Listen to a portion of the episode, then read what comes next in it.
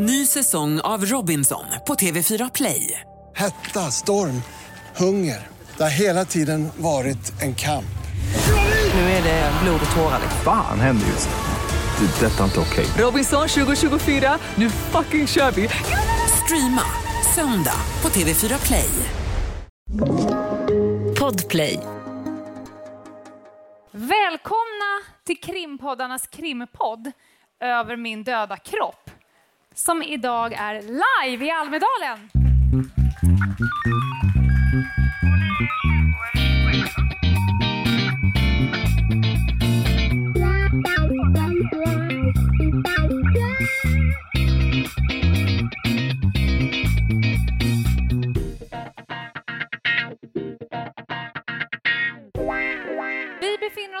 Oss Gotland för att spela in en sommarspecial tillsammans med Polisförbundet. Det här samtalet kommer att bandas och kommer gå att efterlyssna på via Podplay och överallt där ni hittar poddar. Och då söker ni på Över min döda kropp. Det är alltså ett poddavsnitt som spelas in här under ganska ordnade former. Eh, det är jag, Lena Ljungdahl, för detta polis, spanare och förundersökningsledare som tillsammans med kriminaltekniker och inspektör Anna Jinghede kommer lotsa er igenom det här samtalet med varm och fast hand. Vi har 75 minuter på oss och vi har väldigt många spännande gäster som jag vet kan prata i evigheter. Så det kommer bli lite good cup, bad cup. Som ni ser mig rycka loss eh, micken ur händerna på folk så är det för att vi behöver gå vidare. Våran podd vi pratar om rättssamhället på olika sätt. Vi har diskuterat likmaskar, blodbildsanalyser, förhörsmetoder, rättsprocesser, hemliga tvångsmedel och amfetaminlabb för att nämna några av våra spännande ämnen. Men vi försöker också sprida kunskap och folkbildning och beskriva polisyrket som det komplexa yrke det är där både djup och bred kunskap behövs, liksom lång erfarenhet och den där yrkesskickligheten som vi anser kommer med åren. Nu har vi 75 minuter på oss att höra vad våra gäster har att säga. Hur ser de på polisiär kompetens? Och vad är det vi behöver göra för att Polismyndigheten ska vara fylld med rätt person på rätt plats? Eller som vi säger, rätt röv på stolen. Så att vi börjar. Tack Lena. Ja, varmt välkomna ska ni vara. Att Sverige har en kompetent poliskår, det är ett krav. Det är ett krav för vår demokrati och det är ett krav för att människor ska känna sig, känna sig trygga. Sen regeringen beslutade om 10 000 fler polisanställda år 2024 så har Polismyndigheten växt eh, i rekordfart till och med, med över 4 600 nya anställda. Men bara lite drygt 1350 av dessa är poliser. Med andra ord så tillväxer polisen, men inte i huvudsak av poliser med polisiär kompetens. Och frågan är vilken kompetensprofil som krävs egentligen för att utöva polisyrket. Hur kan den uppnås och är det vettigt att låta andra utföra många gånger kvalificerade polisiära uppgifter som man inte har utbildning och kompetens för? Och inte minst, kan man och borde man ta genvägar för att nå detta tillväxtmål? Och först ut att prata om detta är Lena Nitz, Polisförbundets ordförande. Varmt välkommen. Tack så mycket. Och grattis på födelsedagen. Tack så mycket. Vad säger du, Lena, om det här? Sverige behöver ju fler poliser, men istället så väljer man alltså att låta andra kompetenser utföra polisiära uppgifter, uppgifter som man saknar utbildning och kompetens för. Är den här utspädningen, eller bluewashingen som Polisförbundet har valt att kalla det, är ett vettigt sätt att möta det akuta behov av polisanställda som vi har idag? Nej, det är klart att vi inte tycker det. Därför, det är därför vi har satt igång och vill diskutera och få upp de här frågorna på bordet. Därför att under en väldigt lång tid så har vi haft en, en, en allvarlig polisbrist och det är den tillväxten som man politiskt sett har, har eh, tagit beslut på att den ska ske. Vi vill nu också eh, bredda den och fördjupa den diskussionen till att inte bara handla om antal poliser utan också vilken polisi, vad, är, vad innebär den polisiära kompetensen som poliserna har. Och det här är en jätteviktig fråga för oss. Men vi tycker också att det är en väldigt viktig fråga för Polismyndigheten. Hur använder man sin kompetens på bästa sätt? Hur kompletterar man den? Eh, den polisiära kompetensen och även faktiskt utanför Polismyndigheten där vi också ser att andra yrkesgrupper får större eh, polisiära arbetsuppgifter att utföra som ordningsvakter och även att det kommer politiska förslag på kommunala eh, poliskårer med kort utbildning med samma befogenheter. Så det här är en helhetsbild som gör att det är nödvändigt att lyfta upp polisiär kompetens och befogenheter och vad, vem ska göra vad och när. Mm. Du nämner det här med polisiär kompetens, men varför är den så unik och viktig? Nej, men alltså det, det, finns ju egentligen ingen annan yrkesgrupp som är testade, som är utbildade, som är tränade för det polisiära uppdraget i sin helhet. Vi har ju ändå en unik utbildning och vi får också unika erfarenheter som inga andra får genom det arbete som vi gör. Och då är det klart att Eh, för de vitt skilda situationer som, eh, som eh, polisarbetet ger oss, eller man ska säga då, de fördjupade kunskaper som man får i och med utbildningen och också de, ehm, det arbete som vi utför, så, så tycker vi liksom att det är någonting som man både måste lyfta fram, som man måste ta tillvara på och som man också måste se till att med anledning av den polisbrist man har och försöker lösa den, inte gör det genom att byta ut poliser utan att komplettera poliserna istället. Just det. Och skulle du säga att det är nödvändigt att det finns polisiär kompetens i alla funktioner, alltså så att säga från ax till limpa i den polisiära verksamheten, eller kan man göra undantag här? Jag tycker det är viktigt generellt sett naturligtvis att det finns polisiär kompetens i hela, från ax till limpa-arbetet. Vi ser ju eh, och har ju fått eh, ehm, eh, alltså kollegor som har larmat. Senast var det väl Svenska Dagbladet här för någon månad sedan när man larmar om att det inte finns tillräckligt med polisiär kompetens i utredningsarbete till exempel och att det, där också vi har sett eh, politiska drag åt att man ser polis, alltså polisarbete som i yttre tjänst och i uniformerad tjänst medan mm. vi vet allihopa som jobbar att det är extremt viktigt att ha det genom hela kedjan. Mm, verkligen. Eh, hur den är så har vi idag en, en polisbrist och den här bristen kan inte lösas ju över en natt. Du nämnde här några exempel på föreslagna snabbspår.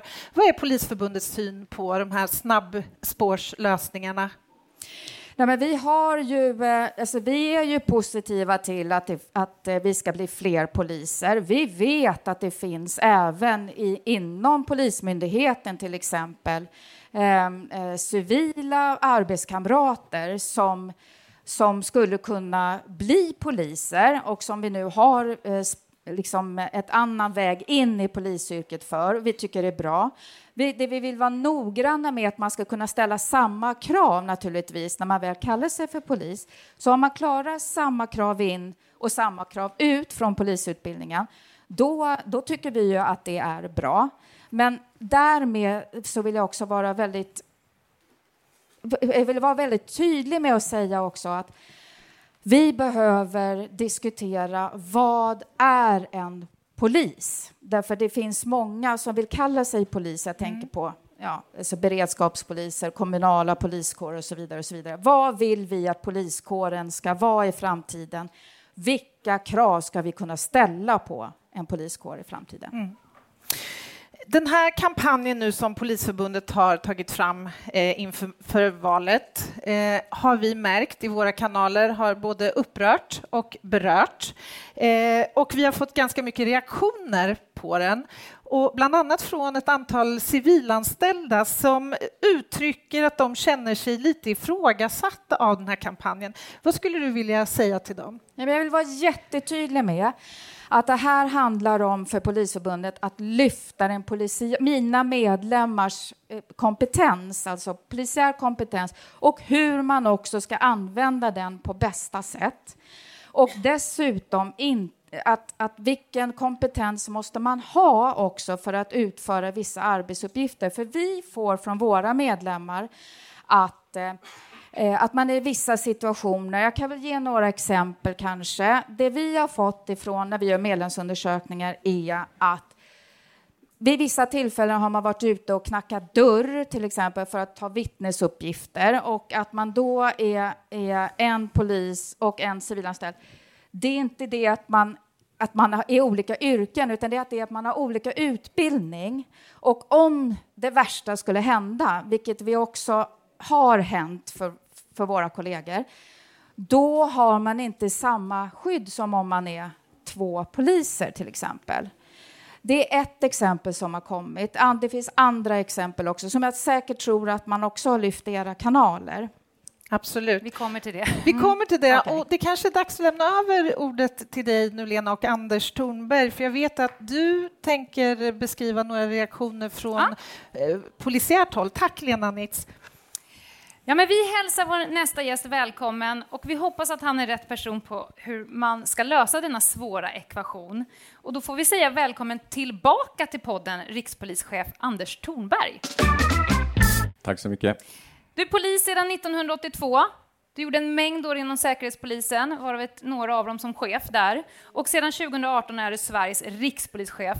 Du har ju gästat podden tidigare och vi vet ju att om det är någon som har ett starkt klappande polishjärta så är det du. Och därför undrar jag, vad har du för reflektioner kring Polisförbundets ståndpunkt gällande bluewashing och vad nu Lena Nitz har att säga?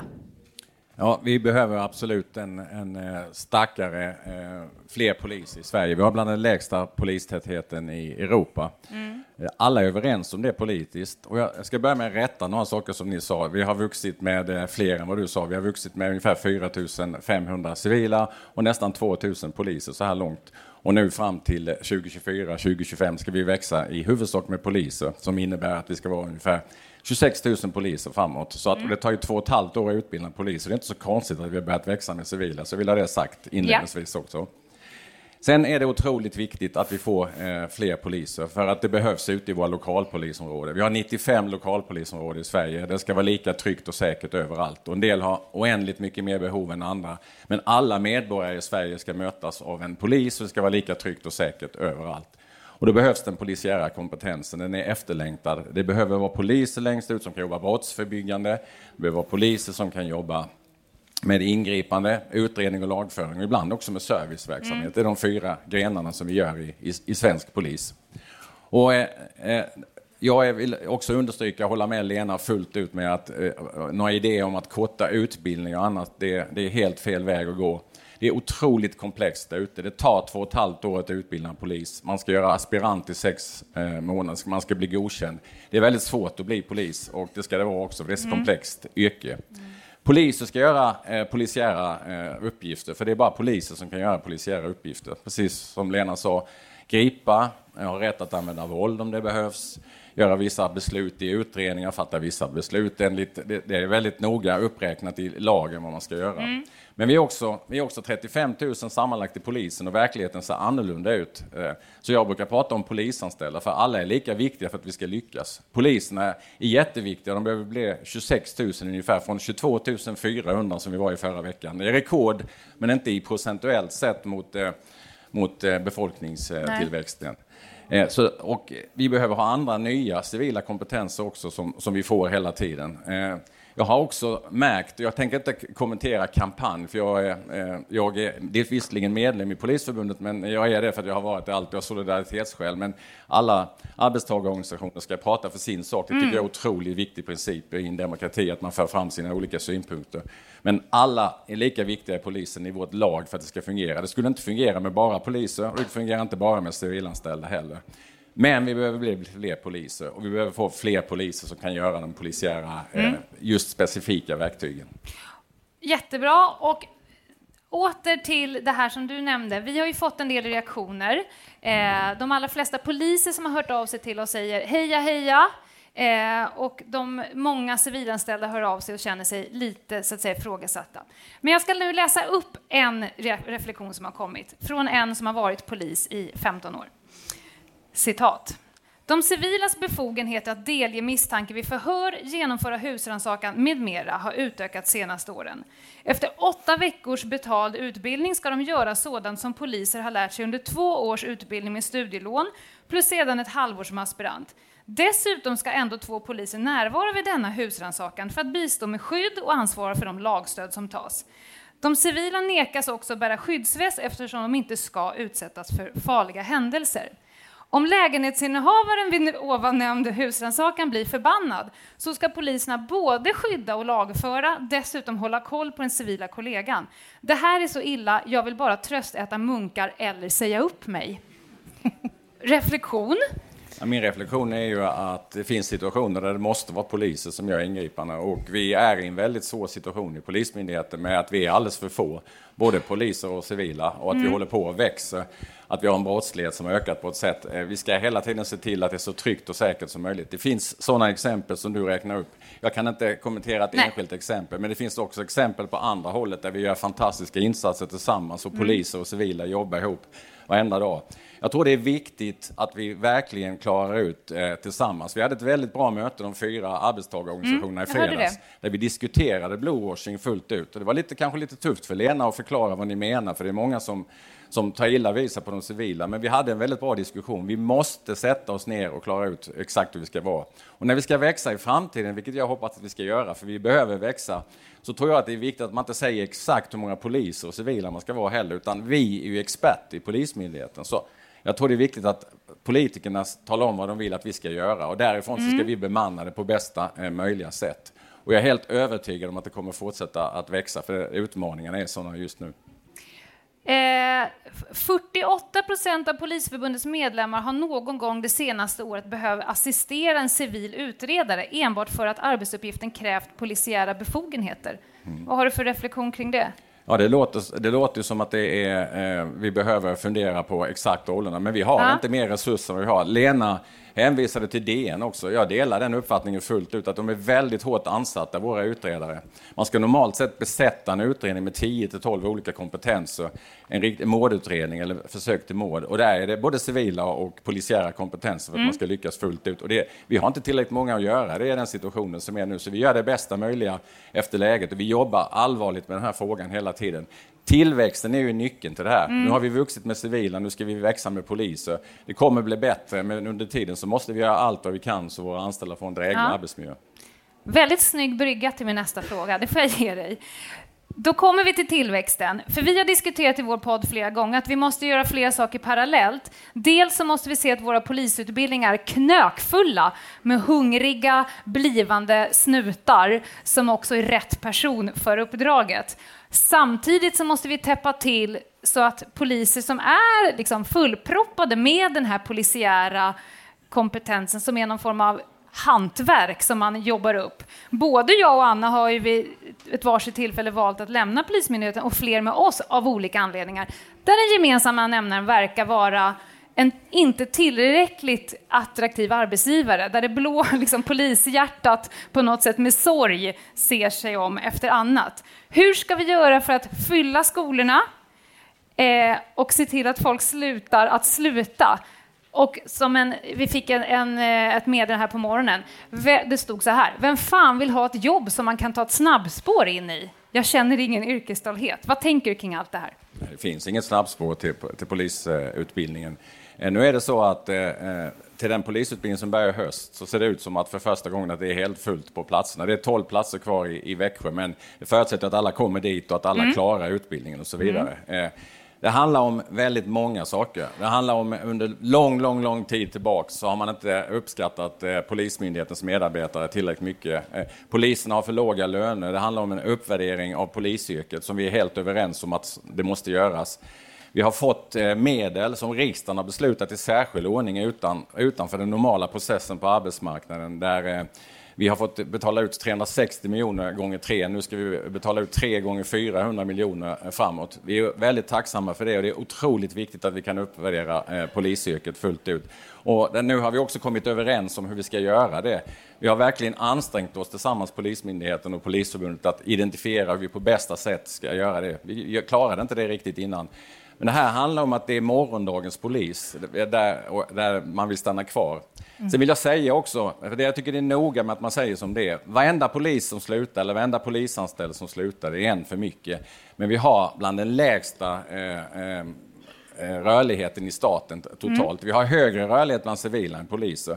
Det ligger mellan 3 och 4 procent på poliser, inklusive pensionsavgångar. Det är väldigt lite, men eftersom vi är så få så gör det så stor skillnad. Mm. Och poliserna är extremt attraktiva, för det är en lång utbildning. De har varit med om ett otroligt eh, varierat yrkesliv med fantastiska utmaningar, kan lösa de mest eh, enastående situationer. Man fattar inte hur det går till ibland, så vi är attraktiva. Mm. Därför är det viktigt ja. att polisen uppvärderas och betalas för det som man gör också. Jag, jag skulle vilja jacka i med en fråga till, till dig, Lena, där angående detta att göra yrket mer attraktivt, höja statusen. Vad skulle du säga är den enskilt viktigaste framgångsfaktorn för att lyckas med detta? Vad behöver vi göra för att få poliser att stanna och söka sig till yrket? Ja, för det första så handlar det om hur man blir värderad och att det ska vara värt att, att vara polis. Och då handlar det om lönen. Det har vi fått nu eh, eller, eh, en uppvärdering och budgetmedel för och som vi också nu har kommit överens om hur det här ska gå till på bästa sätt. Den tror vi på. Sen är det ju också så att, att eh, man måste få förutsättningar att kunna göra ett bra jobb därför att man måste kunna känna när man går från jobbet att jag har verkligen kunnat göra det här på ett bra sätt. Och de arbetsvillkoren, de, de får vi jobba fram tillsammans helt enkelt. Eh, och eh, sen tror jag också att man måste också få kalla sig för polis, för det är också ytterligare någonting som har kommit fram i detta. Det har varit, med den här polisbristen så har det varit lite rörligt och otydligt inom Polismyndigheten och man har fått väl använda den, eh, alltså den, de kompetenser som man har, både civila och polis, poliskompetensen. Vi har till exempel poliser som kanske får göra eh, arbetsuppgifter som som inte är direkt polisiära. Jag tänker på att sitta i, i, pass nu när det har varit mycket där och så vidare. Eh, och tvärtom att, att vi har kanske civilanställda som inte har eh, den kompetensen som har varit i yttre verksamhet och varit med på husrannsakning och så, så. Det här tror jag, och det, det har vi diskuterat med de andra arbetstagarorganisationerna, var den mötet du nämnde, att här behöver vi se, rollerna måste vara tydligare. Och så finns det några saker som är, man måste få kalla sig polis och vara stolt. Jag ska ge ett exempel. För det har varit så att man får inte kalla sig för kriminalpolis om man är utredare, eller utredningspolis för den heller, utan alla är utredare. Och då, då känns det som att man, spor, alltså att man tvättar bort stoltheten utöver att vara polis. För det vill man vara när man väl har gått in i en yrkesroll. Och vad är risken då med den här bort, det bort, borttvättandet? Är det att man lämnar yrket? Jag tror att det till slut kommer att göra som så, både att eh, om andra får eh, utföra arbetsuppgifter, och då menar jag inte bara inom Polismyndigheten utan också utanför, och det här med kortad utbildning och så vidare. Att det urholkar polisyrket, det tror vi är jätteviktigt att hålla tag i, inte bara för polisyrket i sig, utan för för, eh, för samhället och för att allmänheten ska veta vad en polis är. Men sen tror jag också att här gäller det att, att både fler vill bli poliser som också klarar av kraven, inte tumma på kraven. Och sen att behålla de poliser som vi har, för att det tar, som i alla yrken, en tid att bli erfaren eh, och, och eh, ska säga, bra på sitt arbete. Trygg i yrkesrollen kanske? Trygg i yrkesrollen mm. också. Replik från rikspolischefen. Jag vill bara säga att vi, ibland känns det som att eh, att man är politiker också som rikspolischef när man framför alla behoven. Det känns också som vi är Sveriges största rekryteringsmyndighet. Vi har verkligen gjort ja. allt vad som står i vår makt och alla 35 000 har varit engagerade. Så att nu ser det ut som det blir fullt för första gången på polisutbildningen. Vi tummar inte på, på kraven. Så vill jag bara säga att jag tycker också att poliser ska göra polisiära uppgifter, men det kan vara att göra pass vid något tillfälle också. Jag själv när jag började, jag satt i receptionen på Södermalmspolisen. Jag fick träffa människor, jag fick ta upp anmälningar, jag lärde mig hantera människor. Det måste alltid finnas en polis kanske också om det skulle komma till en våldssituation. Och vid något enstaka tillfälle när det har varit en sån allvarlig situation som med passen så har några poliser fått jobba med att, att eh, hjälpa till med pass. Jag tycker inte det är konstigt, vi får hjälpas åt när vi är så underbemannade mm. som vi är. Men i grunden ska det ju inte vara så. I grunden ska poliser göra polisiära uppgifter och polisen ska bekämpa brott.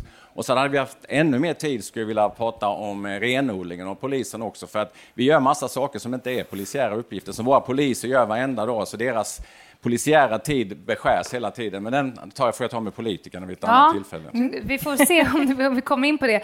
Jag, jag, gjorde en, en, jag gick runt här i Almedalen igår och jag träffade på extremt många före detta kollegor.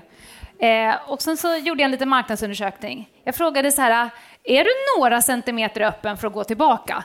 Och jag fick inte ett, ett strikt eh, stängt svar av någon dem. Alla före detta poliser som jag vet, inklusive jag själv, har ett fönster öppet. Men svaret blir så här, ja, jag har lärt mig så mycket mer och jag har liksom fått bättre, så säga, jag kan styra min tid bättre. Det verkar som att den gemensamma nämnaren är flexibiliteten. Jag kan absolut tänka mig att gå tillbaka. Lite rörelse in och ut, lite flexiblare sätt. För jag har också jättemycket mer kompetens som jag inte har kunnat få inom Polismyndigheten. Hur ska ni sno... För jag räknade ihop, jag fick fram det till 350 polisår som står där ute som inte är, de är så att säga 10 centimeter öppna. Ja. Vad, vad, vad gör vi? Och vi har fått tillbaka jättemånga ja. poliser. Och jag, varenda polis som jag träffade, jag träffade en igår som var militär som hade varit polis ja. uppe på polisdagen. Jag sa, när kommer du tillbaka till polisen? Och jag delar ut flyers också. Ja. jag tror det är oerhört viktigt att vi är flexibla också. Ja. Vi försöker få tillbaka pensionärer och de som är pensionärer nu vill fortsätta jobba. Vi har varit väldigt rigida med tider och titlar och annat. Det försöker vi ändra på, på mm. nu. Jag vet uppe i, i Östersund hade man en, en före detta krimmare som, som de säger uppe då, som hade varit ledig eh, väldigt länge. Han hade varit två års eh, pension, ville komma tillbaks. Han har ett avtal med arbetsgivaren. Han kommer in och utreder när det regnar. För att eh, övrigt får han vara ledig och han har icke tidskritiska utredningar. så smart. vi måste förtjäna ja. de som vill vara kvar också. Ja. Men jag vill säga en sak. Jag har också mm. varit runt och pratat med poliser här hel, hela dagen igår. Jag kommer vara här ett par dagar till trots alla de svårigheter, trots de utmaningar vi har, trots att vi inte kan betala tillräckligt ännu, trots arbetsmiljön, så är man otroligt stolt med uppdraget. Så vi har 22 400 stolta poliser, ja. men vi måste göra bättre för att de ska få ännu bättre villkor. Då Bra ska vi gå vidare till politikerna. Och har du något önskemål nu? Är det något du önskar få svar på? De vet redan. Eh, de, vet de sitter i insynsrådet. De vet ja, precis. du har eyeballat dem. Okej, okay. tack Anders Thornberg och Lena Nitz. Ja, vi befinner oss som ni alla känner till i ett valår och polisbristen är en het fråga på den politiska agendan. Inbjudna idag att delge oss sina tankar från politiskt håll är först ut Maria Strömqvist, riksdagsledamot i justitieutskottet för Socialdemokraterna och Martin Marmgren, rättspolitisk talesperson för Miljöpartiet och polis. Välkomna! Välkomna upp. Det finns en varsin mick där.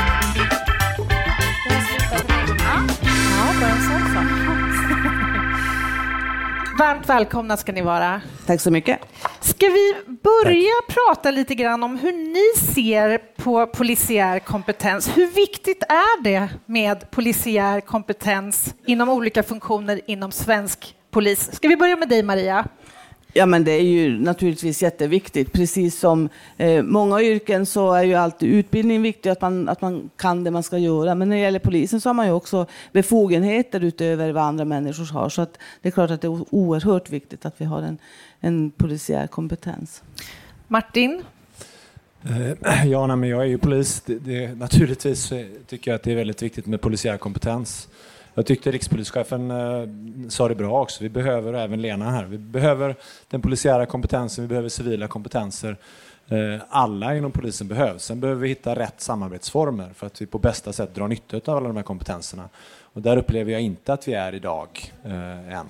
När rikspolischefen nämnde att poliser ibland behöver sitta och göra pass, skulle säga det, det ska vi inte använda poliser till överhuvudtaget. Det, det en... Utveckla, hur, hur tänker du kring det?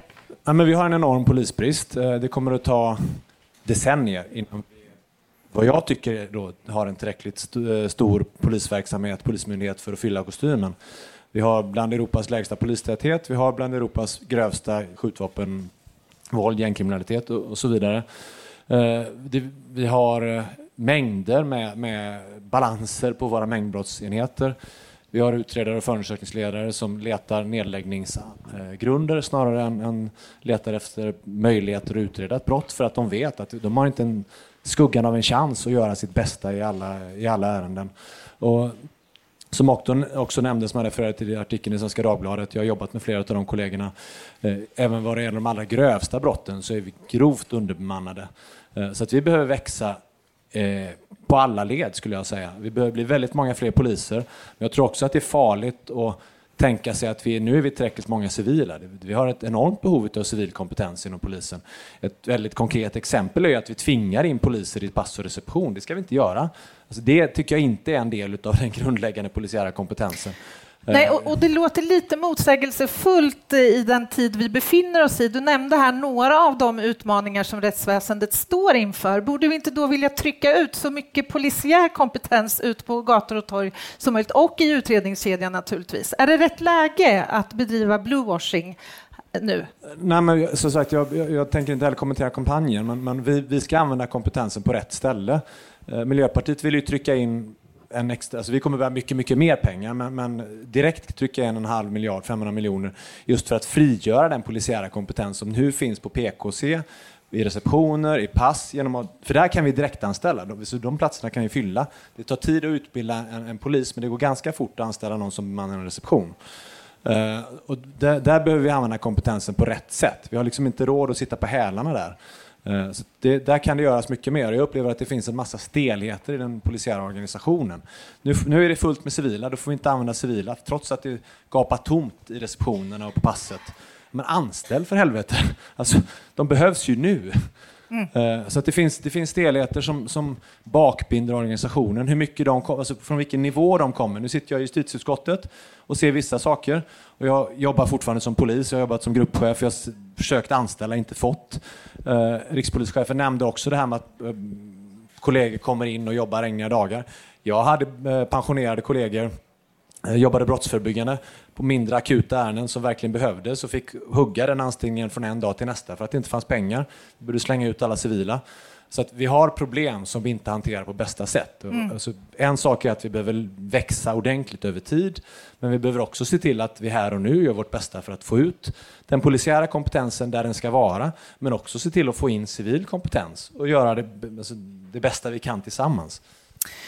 Låt oss också prata lite grann om hur era partier ser på en utökning och en akademisering av polisutbildningen.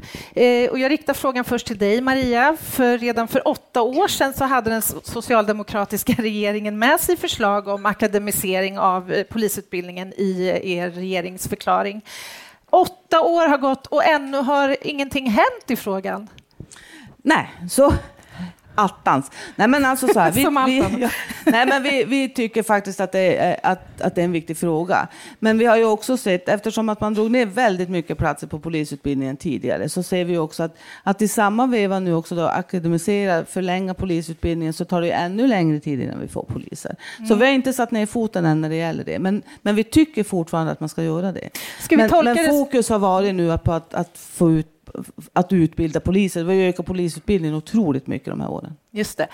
Ska vi tolka det som att ditt parti är öppen för snabblösningar, snabb, snabbare polisutbildningar?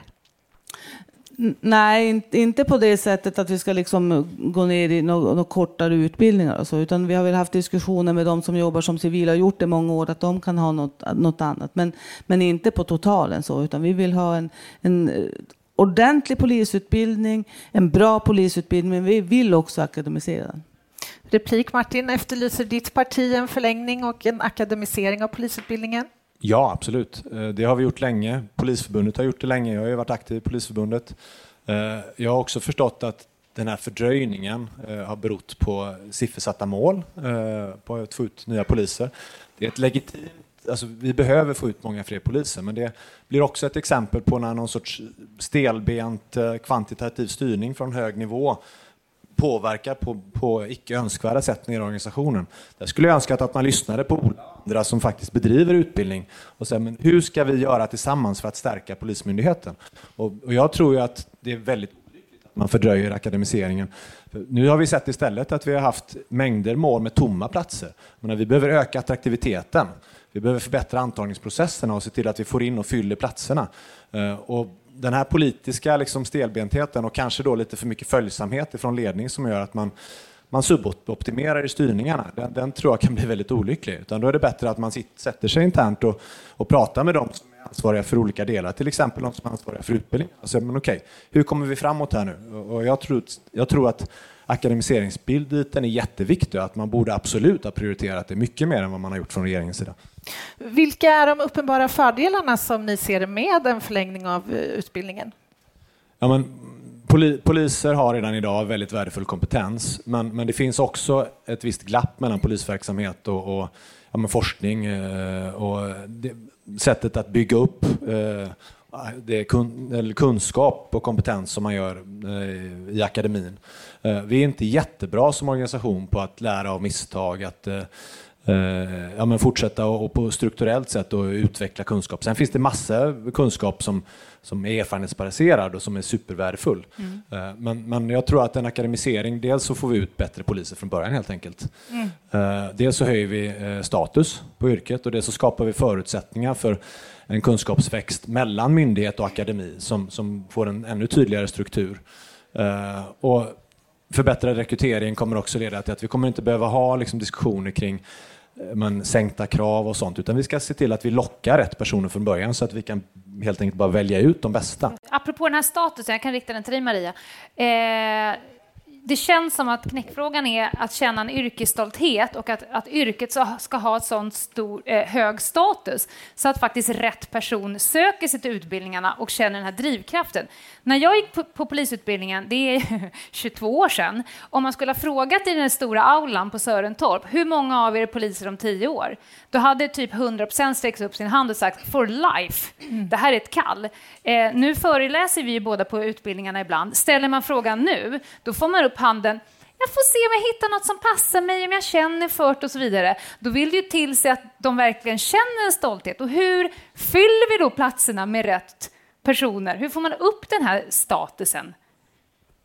Har du någon tanke där? Ja, jag har ingen lösning på det på, så, på snabben. Men, men det här är ju i många yrkesgrupper att, att, man, att man resonerar så som ung idag. Mm. Eh, jag tror, alltså den här stoltheten, den bygger ju också vad som skrivs om polisen, hur, eller yrket oavsett yrke. Eh, hur, hur de som jobbar i den pratar om yrket och så.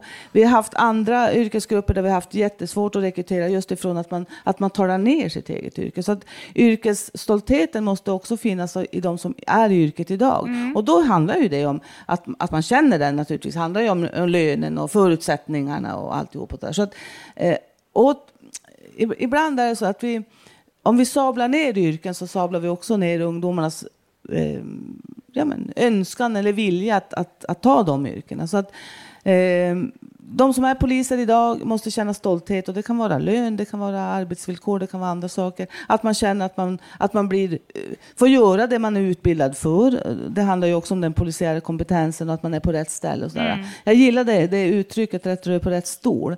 jag, har, tack, har, jag har problem det här med, med rätt man på rätt plats, för jag tycker att det är alldeles för mycket män. Men, eh, ja, men att man känner att ja, men här hör jag hemma, det här är min grej och att man också visar det. Liksom. Eh, klart att lön är viktig också, eh, mm. men jag tror att det är mycket mer än bara lön. Jag tror, jag tror att det är för enkelt att säga att vi höjer lönerna så har vi löst problemet. Det tror jag är alldeles för enkelt. Har du någon tanke kring det? Samma fråga. Alltså jag, jag, tycker att det är jättebra att man har haft, och därför får jag tacka Andreas, eh, jag tycker att det är bra att man har haft riktade politiska satsningar på polislönerna för att de har legat otroligt lågt. Eh, långt, långt under andra statliga myndigheter. Man kommer behöva fortsätta satsa på lön. Jag upplever inte att situationen är lika akut längre. Eh, Eh, men man måste också ha med sig det som Maria säger, att lön är bara en faktor. Och framförallt, lön blir framförallt en faktor när den är så låg så att man inte har råd att jobba som polis. Mm. Eh, man får inte ett boende till exempel. Lön är inte en faktor där liksom en hög lön gör att man nödvändigtvis presterar bättre. Där tror jag att styrningen inom polisen snarare har varit lite korkad, där man ska hålla på att differentiera löner med några hundralappar fram och tillbaka för att man tror att det är det som driver motivationen. Det är det inte, utan det är kallet, det är viljan att göra ett bra jobb. Ja. Uh, och då, det handlar, status är jätteviktigt. Uh, en del, som sagt, uh, lön är en del, men möjligheten när man känner att man får förutsättningar att göra ett bra jobb, det skapar yrkesstolthet. Mm. Om man sitter och känner att man, man tvingas lägga ner massa ärenden eller att man som kollegorna som då gick ut i Svenska Dagbladet känner att vi gör inte ett bra jobb på de här utredningarna, vi, vi har inga förutsättningar. Det skapar inte yrkesstolthet. Så att, så att att resurssätta Polismyndigheten i grunden så att vi alla känner att vi faktiskt kan göra, ge medborgarna den polisen som de förtjänar. Att, skapa, att fortsätta med lagstiftningsförändringar som gör att vi faktiskt får effekter av vårt arbete. Det skapar ju såklart också en enorm frustration om man jobbar mm. mot vanekriminella och man tycker inte att det man gör som polis ger någon effekt. Eh, det förebyggande arbetet, där kräver ju då både att polisen har rätt resurser och rätt verktyg att jobba förebyggande, men att samhället hakar i så att socialtjänsten, skolan och så vidare har rätt förutsättningar att göra sitt, så att man ser att det blir en effekt. Får man den effekten av sitt arbete, då är det också mycket naturligare att känna den här yrkesstoltheten.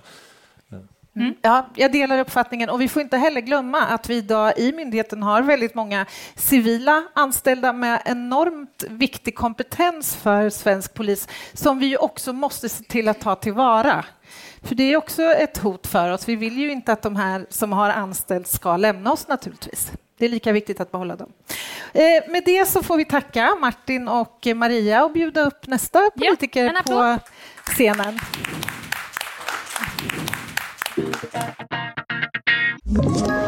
Ett poddtips från Podplay. I podden Något Kaiko garanterar östgötarna Brutti och jag, Davva, dig en stor dos skratt. Där följer jag pladask för köttätandet igen. Man är lite som en jävla vampyr. Man har fått lite blodsmak och då måste man ha mer. Udda spaningar, fängslande anekdoter och en och annan arg rant. Jag måste ha mitt kaffe på morgonen för annars är jag ingen trevlig människa. Då är du ingen trevlig människa, punkt. Något kajko, hör du på podplay. Därför är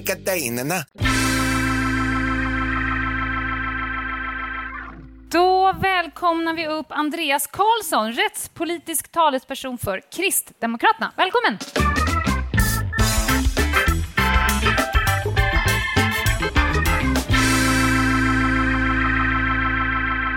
Tack så mycket. Du hällde upp ett glas vatten och är laddad från tårna och upp. Ja, lite, och tillbaka. Ja. Eh, hur ser ditt parti, parti, på polisiär kompetens? För det är ju så att säga, grundfrågan idag. Vad är det? Varför är den unik? Kan man klara sig utan den?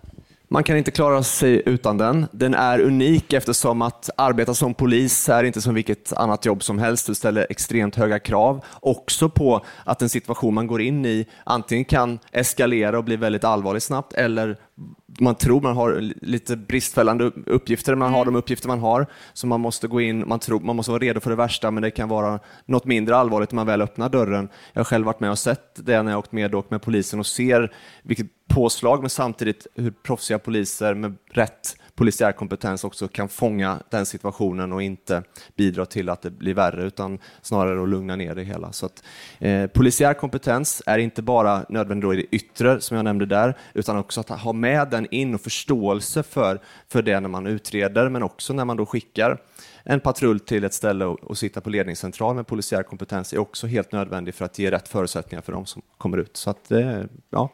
Vilka funktioner och tjänster inom polisen tycker du ska vara helt fredade för människor som har liksom den polisiära utbildningen i sin totalhet? Och vilka funktioner gör den civila kompetensen, så att säga, den här kompletteringen som Polisförbundet är inne på istället för att ersätta? Ja, men när det kommer till eh, våldsmonopolet är det ju självklart, det ska vara fredat och sen också många andra delar av kärnverksamheten. Men sen så tror jag inte, det är ju en fråga tror jag för egentligen parterna och för Polismyndigheten och, och de olika arbetstagarorganisationerna att gå in och liksom i detalj avgöra det. Eh, men där jag ser att man kan gå in och avlasta och göra ett stort Eh, arbete för att hjälpa poliser är ju exempelvis polisstödsassistenter som vi har haft med i, i våra skuggbudgetar i KD. Att man helt enkelt kan få hjälp med avrapportering, att diarieföra beslag så att poliser inte fastnar i avrapporteringsrummet allt för länge utan snabbt kan vara ute igen. Det är en del, men också mer avancerade, eh, liksom IT, eh, ja, brottslighet är mycket komplex idag och att ta in IT-experter på civil kompetens som kan förstärka, det är två exempel från båda håll bollen så att säga. Mm. Så en civil utredare med två poliser som ska vara beredda vid en husrannsakan, är det rätt väg att gå då, eller fel? Nej, men det, det, varje enskilt fall, men Ja. det där låter, det du drog där, Ja. det, då, då förstår man ju frustrationen Mm. och det är också kanske de poliser som, som handlägger och har lärt upp den civila Ja. som också emellanåt också då har lägre lön, vilket har varit en, en av frustrationerna som vi har mött på och som varit en drivkraft för oss att faktiskt få på plats de här riktade polislönesatsningarna som Martin nämnde här också. I, ja, vi vill ju bygga i fler steg. Vi fick igenom det första och nu har vi fått igenom ett andra steg och det tror vi har haft betydande effekt för att också uppvärdera polisyrket. Mm. När vi kommer till polisutbildningen då. Kristdemokraterna har tidigare föreslagit en, en kortare utbildning, en ettårig utbildning för att utbilda så kallade kommunpoliser. Äh, är, var står ni nu i att korta, förlänga, bibehålla polisutbildningen? Ja, men tack för frågan. För det, det, det är rätt att vi lade det förslaget och eh, vi tycker ju att det behöver ses mot ljuset av en annan bild än ska vi ha A eller B-poliser, det tycker inte vi. Men däremot så har vi en situation idag, jag ska ta två exempel.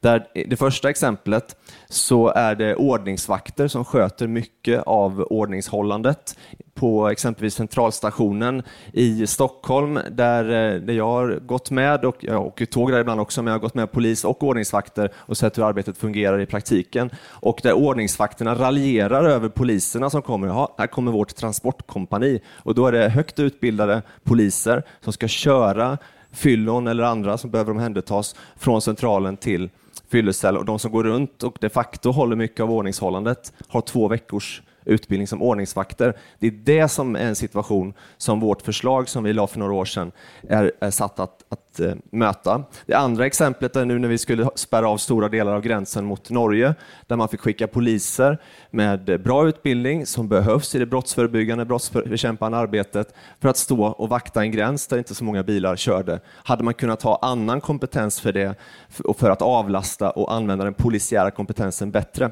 Vårt förslag som vi la då, det är vi, vi är ju inte tondöva på något sätt, utan har ju förstått också, inte minst utifrån erfarenheter av Danmark, där man har infört poliskadetter med sex månaders utbildning, att erfarenheterna därefter eh, kanske inte var så lyckade. Så vi tittar mer mot Holland nu, där man har en differentierad polisutbildning.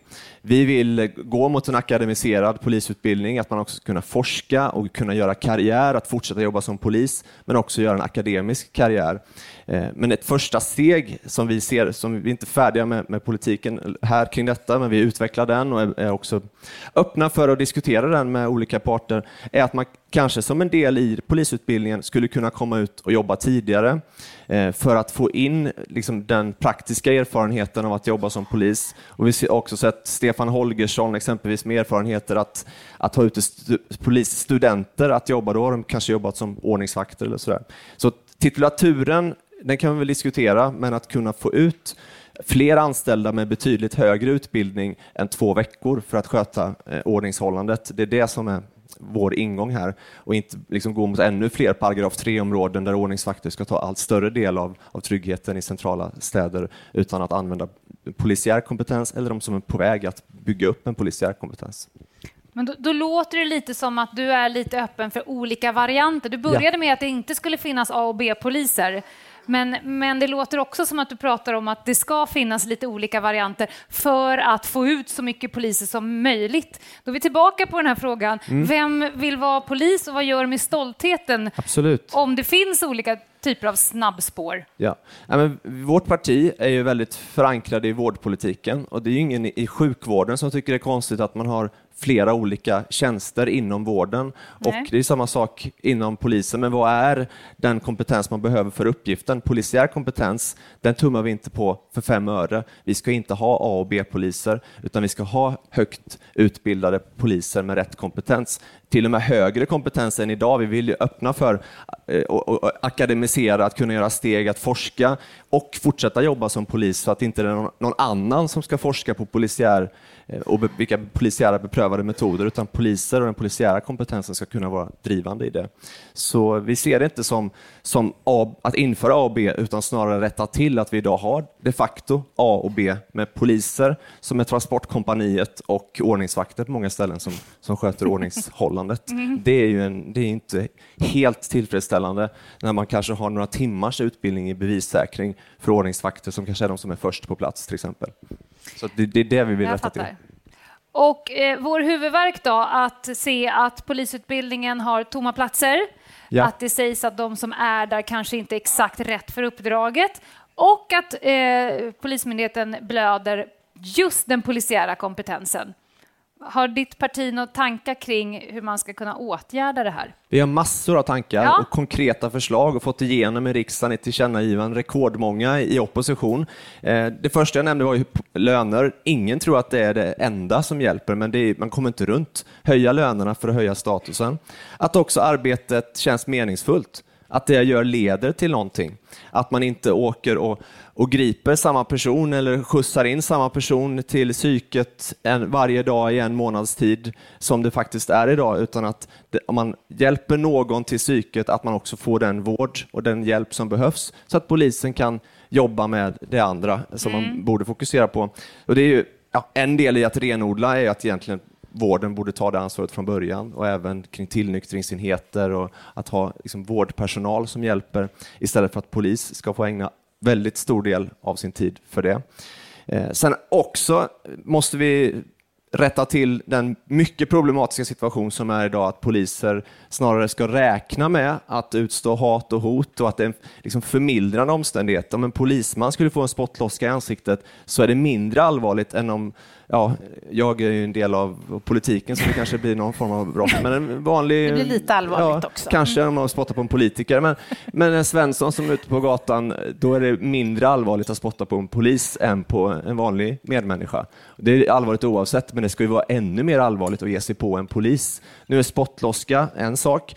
Eh, Att bli kallad för både det ena och det andra, att bli hotad, eh, det ska inte vara okej. Och vi har lagt fram förslaget om att återinföra det här Eh, brottet missfirmelse av tjänsteman så att man mycket snabbare kan sätta gränsen och att stå upp för polisen också i lagstiftningen. Eh, så det är också ett förslag. Eh, sen när vi pratar om flexibilitet och sådär, så vi har ju många nu i generation Z som kommer in på, på ehm, polisutbildningarna. Där är ju flexibilitet, men också socialt ansvarstagande, man vill känna meningsfullhet. Så just det här att man, om man kan rädda en person ur kriminalitet tidigt, då behöver man också kunna, när man larmar, ha en socialtjänst, en skola, eh, jag nämnde vården, som också steppar upp och gör vad som krävs. Så där vill vi ändra sekretessreglerna så att man inte liksom fastnar i olika stuprör utan kan sätta in rätt insatser. Jag har träffat jättemånga poliser alla är liksom drivna av ett patos att göra rätt och att det ska göra skillnad. Så jag tror att, att ja, fånga upp den och se till att det faktiskt gör det, att man inte tröttar ut sig själv på att åka och skjutsa samma personer dag ut och dag in. Då kan man nog rätta, till att många fler vill stanna i yrket. Mm. Eller vad tror ni? Ja, absolut. Jag återgår till min lilla marknadsundersökning jag gjorde igår med alla dessa erfarna poliser som står där nere eh, i Almedalen och gör andra saker. Och eh, jag skulle säga lönen är eh, ett problem, men framför allt så var det saker som jag är specialist, men jag tvingas vara, tvingades vara generalist. Eh, jag ville forska på arbetstid och fick nej. Eh, jag ville göra någonting annat på sidan av, men fick inte eh, godkänt för det. Eh, jag vill komma tillbaka, men lite så här som att jag, du har varit on the dark side. Eh, hur, så att säga, hur, gör, hur ska man tänka och vad gör ni från ert håll för att göra Polismyndigheten mer flexibel och mer öppen för så som det ser ut idag? Det är lite uppbyggt för hur poliser tänkte för 20 år sedan, tänker jag. Ja. Nej, men det, du sätter ju fingret på det och också det jag var inne på inledningsvis, att man ska kunna forska och, och liksom driva utvecklingen också när man jobbar. De, vilka är bäst på att göra det om inte poliser själva som kan göra en akademisk karriär eller vad man ska kalla det. Eh, så att, men meningsfullheten, vad kan man göra så rent politiskt? Ja, men det är ju att ge uppdrag till myndigheten att arbeta med det, men också att opinionsbilda kring det, att understryka det, att avsätta medel till det. Vi har exempelvis också i skuggbudget för KDs del lagt pengar till att införa ett eh, polisiärt forskningsinstitut för att just driva polisiär forskning. Idag drivs ju mycket på, på lärosätena, men eh, lärosätena får ju inte använda pengar som är avsedda då för utbildning till forskning. Så om de skulle få lite pengar över eller driva utbildningen på ett effektivt sätt så att de skulle kunna forska eller använda del, liksom del av, av anslaget för, för det, så får man inte det heller. Så det är ju liksom skruvar och muttrar här, men det är där man måste ner och rätta till en del av, av problemen. Sen tror jag också att man måste vara mycket mer flexibel som arbetsgivare. Rikspolischefen var inne på pensionerade poliser och eh, det är inte hela lösningen, men det är en del av det. Att faktiskt kunna fortsätta arbeta som polis. Att inte, om man då lyckas bli anställd igen efter att ha slutat, lämna in polisbrickan och bli återanställd som civil. Eh, det är också ett signalvärde här som Polismyndigheten har missat. Nu säger man att man är på gång. Eh, jag kan avslöja att jag själv har drivit på det här i insynsråd och justitieutskott att vi måste använda och nyttja den mycket erfarna och kompetenta personal som finns, poliser som har lagt ner hela sitt liv att arbeta för det man tror på och för att göra rätt, det kallet som ni pratar om. De är ju också lysande mentorer för Mm. att kunna överföra den kompetensen till alla nya. Så där behöver man också tänka lite annorlunda, att inte bara ut med de gamla, in med de nya, för att vi kommer ha mycket stora problem framöver som måste lösas med nya metoder. Men den beprövade polisiära erfarenheten kommer också ha en mycket viktig plats i det. Så det är därför vi också betonar det så mycket. Tack Andreas Karlsson från Kristdemokraterna. Får se om, för ni kommer alla ha chans till repliker sen. Ja, och med detta så är det dags att välkomna upp på scen Ola Kronqvist. För att kanske ge främst eh, akademins syn på den här frågan. Ola, du är före detta polis och numera prefekt vid institutionen för kriminologi och polisiärt arbete vid Linnéuniversitetet. Välkommen! Vilken titel, hörru! Ja. Eller hur? Maffigt. Du, eh, nu har vi fått ta del eh, av lite olika syn på detta med polisiär kompetens, lite olika perspektiv på detta. Eh, vilka missförstånd finns vad gäller polisyrket och den kompetensprofil som ställs på en polis idag? Ja, det första är väl den här frågan om akademisering av polisutbildningen. Den är akademiserad, den har varit i flera år. Det är, liksom, det är inte en fråga längre, det har varit i vårt uppdrag sedan 2001 att högskolan passar. Vi är på universitet och högskolor för att vi ska bygga utbildningen på vetenskap och beprövad erfarenhet. Det är det som är akademisering. Alla polisutbildningar i landet ger nu högskolepoäng i polisiärt arbete. Akademisering. Men ger det tillräckligt många poäng för att få fortsätta med en akademisk karriär eh, inom det polisiära så att säga? Man får alltid fortsätta med en akademisk karriär. Men eh, nej, det, det, skillnaden är ju att den här högskolereformen som föreslagits i två statliga utredningar inte är genomförd. Och den innebär i sin tur då att eh, polisprogram blir treårigt och ger en kandidatexamen som ger då direkt behörighet till avancerad nivå och att eh, utbildningsplanen levereras av utbildningsdepartementet istället för som idag av Polismyndigheten i form av en uppdragsutbildning. Alltså man byter egentligen vem som, eh, vem som beställer polisutbildningen. Eh, och då finns det ju såklart enorma fördelar med att det är utbildningsdepartementet för det är ju ändå en enhet som är ganska bra på att beställa utbildning. De har gjort det i några år. Så. Men rätta mig om jag har fel, du är för en förlängning av utbildningen till en Ja. treårig utbildning. Ja. Vilka skulle de uppenbara fördelarna vara med det? Eh, om, vi, om vi hade en treårig utbildning så, så eh, ja, högskolereformen skulle innebära då att man skriver en, en kandidatuppsats istället för det självständiga arbetet på fem veckor. I praktiken skulle det innebära att vi behövde lägga på kanske två, tre veckor metod, inte mer. Det, det, den stora förändringen skulle vara att vi skulle ha tid, att vi skulle hinna med att integrera teori och praktik på ett bättre sätt. Vi skulle inte lägga till ett enda nytt moment, utan vi skulle liksom smeta ut det så att, så att vi har tid att... eh, Fördjupa. Ja, för polisprogrammet har bara lastats på nya innehåll under de drygt 20 åren som jag har jobbat med det. Eh, och det kommer bara nytt. Va? För det kommer nya arbetsverktyg, det kommer nya arbetsmetoder. Det är bra och det är viktigt, men det tar tid och det är aldrig någon som har talat om vad som ska bort. Va? Just Nu till hösten ska vi jobba med snabbare lagföring och sen kommer Taysen och sen, ja, ni, ni vet. Det är som med all grejer. polisiär verksamhet, allt är akut och allt är lika viktigt. Ja, lite så. Ja. Precis. Och det är så mycket som ska genomsyra Japp. vårt program. Va? Mm. Eh, Det är verkligen medarbetarskydd, det är jätteviktigt, barnperspektiv, det är jätteviktigt, eh, brott i nära relation, det är som Mm. lika behandling, massvis av perspektiv som ska genomsyra. Eh, Men om allt är lika viktigt, då blir ju inget viktigt till slut. Och ändå just nu så har vi några sådana här snabbspår tillgängliga. Den funktionsinriktade polisutbildningen till exempel. Vi har tidigare pratat om en kommunal polisutbildning. Det finns risker med en sån som du ser det. Ska jag tolka det så? Jo, men det finns det. Och eh, snabbspår, det, det, det är det ju inte. För de som går funktionsinriktad polisutbildning, de har ändå 120 högskolepoäng med sig in. De har två års arbetslivserfarenhet av att hantera komplex information. Eh, och de har en prognos att de ska klara ett mycket högt eh, studietempo. Så något eh, snabbspår så är, det ju egentligen inte på totalen. de har ju en annan Men- kompetens och många gånger en specialiserad kompetens med sig in förvisso, men den är ju inte polisiär. Nej, precis. Och vi byggde det där programmet egentligen för civila brottsutredare hos oss från början. Mm. Och det som kanske är problemet nu det är att, att eh, den funktionsinriktade utbildningen används för att klara volymmålen Mm. och att eh, Polismyndigheten externrekryterar in i det där programmet. Eh, och de eh, deltagarna, vi gör ju vårt bästa för att ge dem de bästa förutsättningar vi någonsin kan.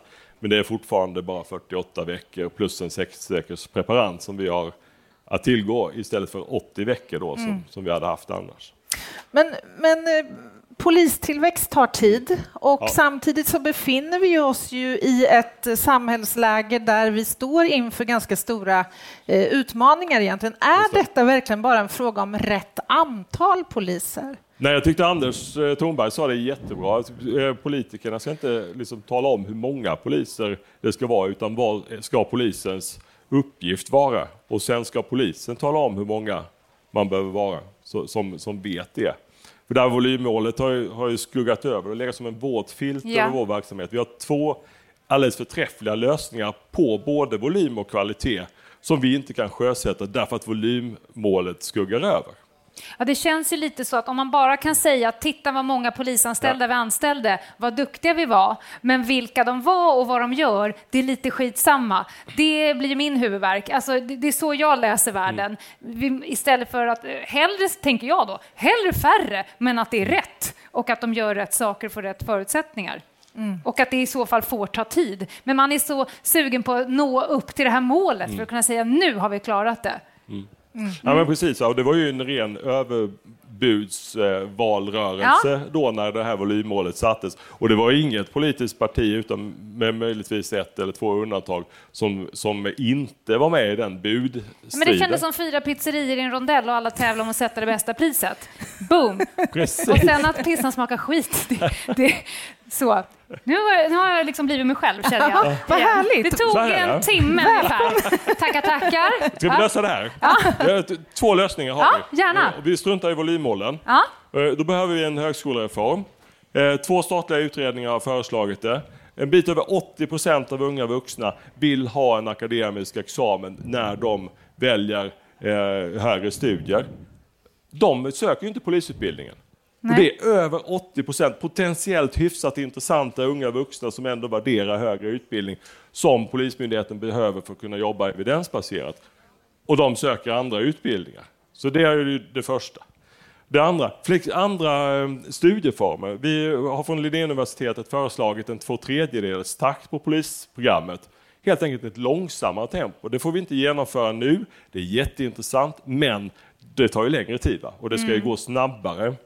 Eh, och då kunde man attrahera helt nya grupper till polisprogrammet. Man kunde attrahera ensamstående föräldrar, eh, elitidrottsmänniskor i slutet av karriären, människor med stort föreningsengagemang, folk som har komplicerade eh, livspussel och inte kan liksom åka till Växjö på, på, på heltid utan de behöver liksom ha förankring. Erbjud programmet på, på två tredjedels fart.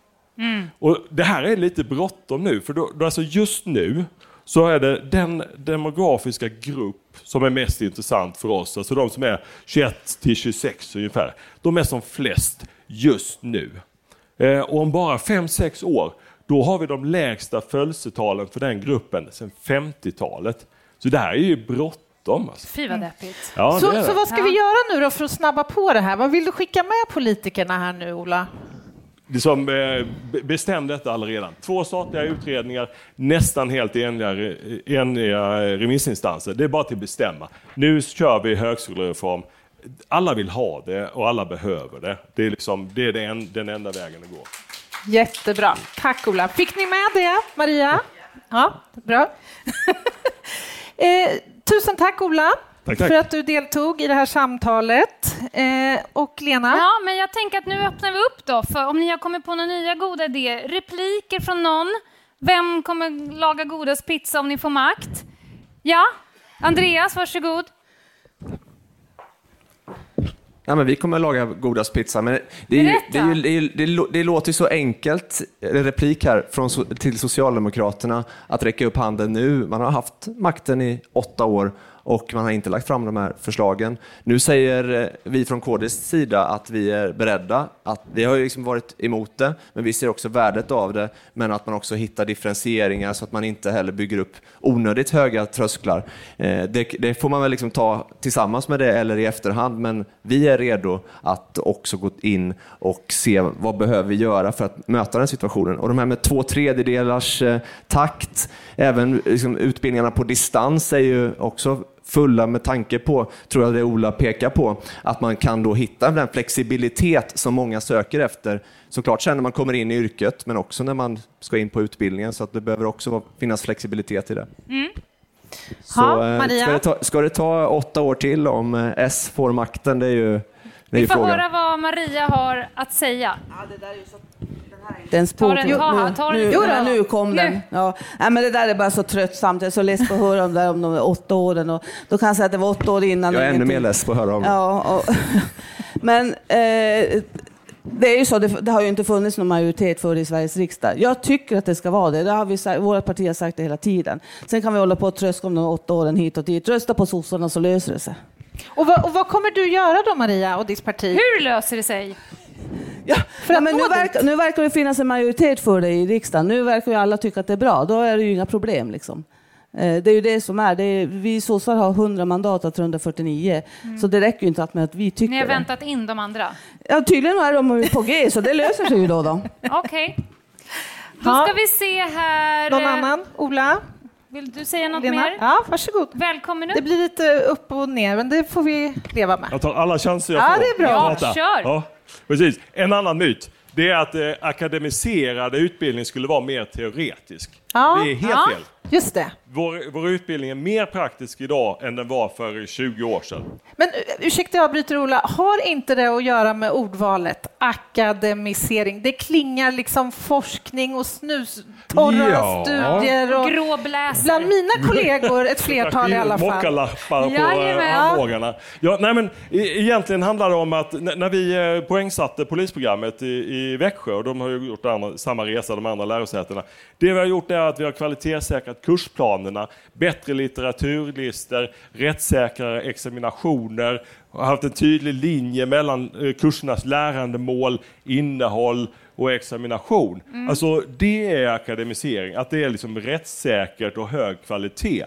Det går ju jätte... Vi ger ju högskolepoäng för att skjuta pistol. Det går alldeles Mm. Det utmärkt. är ju jättekul att öva på. Ja, det är skitroligt. Och om man då dessutom kopplar ihop det med teori så att man samtidigt lär sig när man får skjuta och var man får skjuta och hur många skott man ska skjuta och sådär. Och hur, hur man känner stress när man skjuter och allt annat man måste kunna. Ja, då är det ju akademiskt Ja. helt plötsligt. Mm. Och man får högskolepoäng för det. Jag säga bara, på det där, för jag tror att man behöver locka så många olika typer av människor som möjligt till polisutbildningarna. Akademiseringen, en farhåga är att man skrämmer bort de här praktikerna. Jag är en eh, lagspelare, jag vill ut och jobba, jag är bra på att ta människor och så vidare. Akademisering, det låter som att det där yrket är nu Det inte... där sa man i början på, eller mitten på 70-talet Ja. när högskolereformen kom. Eh, 1977 så akademiserade man ju ett antal eh, yrkesutbildningar, bland annat Ja. sjuksköterskeutbildningen. De första sjuksköterskorna som gick en akademisk utbildning, de har redan gått i pension Mm. idag. Och, och då sa man att ah, men de kommer bara vilja sitta vid skrivbordet och ingen kommer kunna ge spruta. Så, så blir det ju inte. Nej. De vill bli sjuksköterska, det är ju därför Ja. de går i utbildningen. Och det, det däremot har inneburit, det är att, att vi har Bara Linnéuniversitetet har fyra campus för sjuksköterskeutbildning Mm. och specialistutbildningar där sjuksköterskorna behöver inte gå in med mössan i näven till chefen och säga ja, jag skulle vilja gå en kurs, Mm. utan de kan söka Just den på. Linnéuniversitetet. Och det är en annan aspekt, om vi zoomar ut lite grann, vad akademiseringen skulle, eh, i den här formen som vi nu pratar om, skulle kunna bidra till för liksom, polisverksamheten. Vi har ju en lång tradition av att jobba ganska strikt erfarenhetsbaserat, det får Ja. vi väl ändå säga. Skulle, ett mer evidens, skulle det kunna leda till ett eh, evidensbaserat arbetssätt och synsätt i större utsträckning också? Ja, ja, ja, på, av två skäl. Dels därför att, därför att man faktiskt får en, en bättre forskningsanknytning i utbildningen, men också att poliser kan forska på polisverksamhet. I grunden handlar det om att kunna skilja mellan tro, tycka och veta. Ja. Man kan tro saker och då utgår man väldigt mycket från sig själv. Jag kan tro att månen är gjord av ost och jag kan tro att det kommer att säljas jordgubbar till midsommar. Och, och jag har olika förutsättningar för att ha rätt i de olika Påståendena. Tro, ja, precis. Mm. Så det, tro kan vara rätt och det kan vara fel, men det fortfarande bygger det väldigt mycket på egna erfarenheter. Det forskning är, är ju egentligen systematisering och ackumulerande av kunskaper och, och systematiskt prövande av kunskaper på liksom en, en högre nivå. Mm. Det är det vi måste ha. Ja, det är det är då vi blir bättre. Bra, tack Ola. Tack. Lena, välkommen upp. En sista sväng. Det börjar bli dags att eh, runda av. Eh, det här- för alla er kära poddlyssnare, det är Polisförbundets ordförande Lena Nitz som kommer tillbaka. Just det. Hur går dina tankar nu, Lena, när du har fått ta del av de här olika inspelen kring jag- frågan? Jag tycker det har varit en jättebra eh, diskussion. Jag tycker att vi har diskuterat eh, eh, Bluewashing-kampanjen som handlar om polisiär kompetens. Jag vill vara väldigt, väldigt noga med att säga att inom Polismyndigheten så har vi många kompetenser som behöver lyftas fram, som behöver sättas ihop, som behöver jobba tillsammans för att polisen ska kunna utföra sitt uppdrag på bästa sätt. Så, men jag lyfter fram den polisiära kompetensen som ordförande i Polisförbundet Mm, naturligtvis. Så att jag, det är inte så att, för det, i början började vi med att man kanske kände att man blev Ifrågasatt Ja, och- precis. ja. Det handlar inte alls om det. Det vill jag vara väldigt, väldigt tydlig med. Jag tycker också vi har pratat om hur man ska ta tillvara på den kompetensen på bästa sätt och använda sig av den. Och nu också hur vi ska utveckla den på bästa sätt, det vill säga med utbildning, grundutbildningen och också vidareutbildning som är viktig. Och allt det här behövs för att vi ska bli stolta över vårt yrke men också eh, få status i yrket. Men till syvende och sist det vi alla vill är ju att utföra vårt arbete så bra som möjligt. Och det tycker jag vi verkligen har kommit fram till här. Så jag vill rikta ett stort tack till alla som har medverkat. Jag blir väldigt glad över för att det börjar nog bli så att vi känner att vi har en riksdagsmajoritet på eh, att eh, eh, göra en, en reform på polisutbildningen. Jag har varit med länge så jag vet också att det krävs handling. Diskussioner är en sak, handling är en annan och beslut behövs det också. Så att, eh, ja, lite så. Jag tycker det har varit väldigt givande och stort tack till er. Tusen tack. Och för er som vill lyssna på det igen eh, så kommer då det här avsnittet att sändas. Om ni googlar på Över min döda kropp, det är en podcast, den finns överallt där poddar finns, så kan ni lyssna på det igen och så får ni jättegärna sprida det så det här når så många som möjligt. Ett stort tack till alla Ja, deltagare och er som kommer och tittade.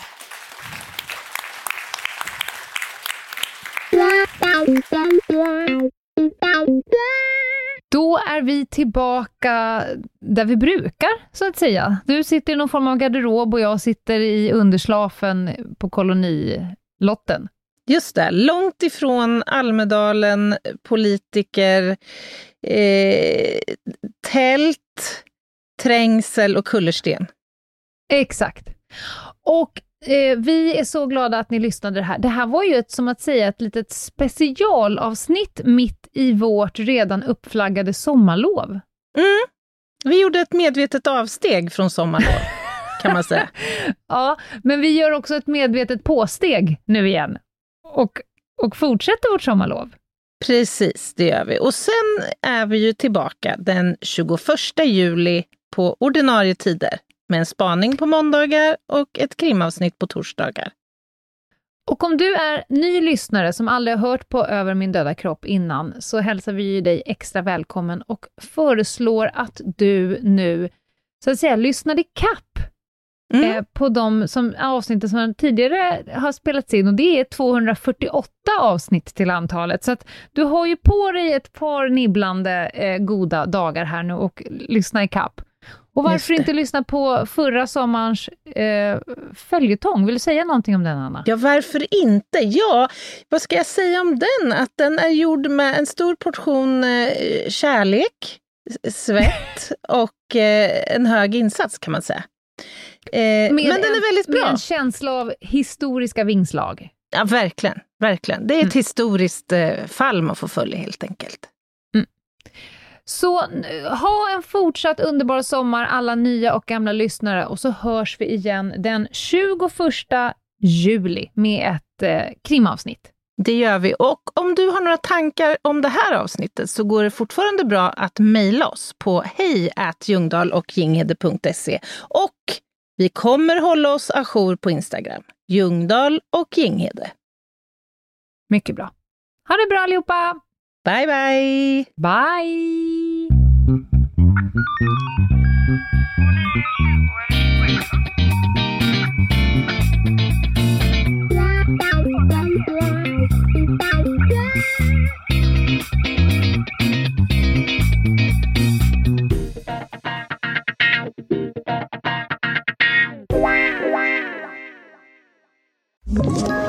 Ett poddtips från Podplay. I podden Något Kaiko garanterar östgötarna Brutti och jag, Davva, dig en stor dos skratt. Där följer jag pladask för köttätandet igen. Man är lite som en jävla vampyr. Man har fått lite blodsmak och då måste man ha mer. Udda spaningar, fängslande anekdoter och en och annan arg rant. Jag måste ha mitt kaffe på morgonen för annars är jag ingen trevlig människa. Då är du ingen trevlig människa, punkt. Något Kaiko, hör du på Podplay. Därför arkadeinerna.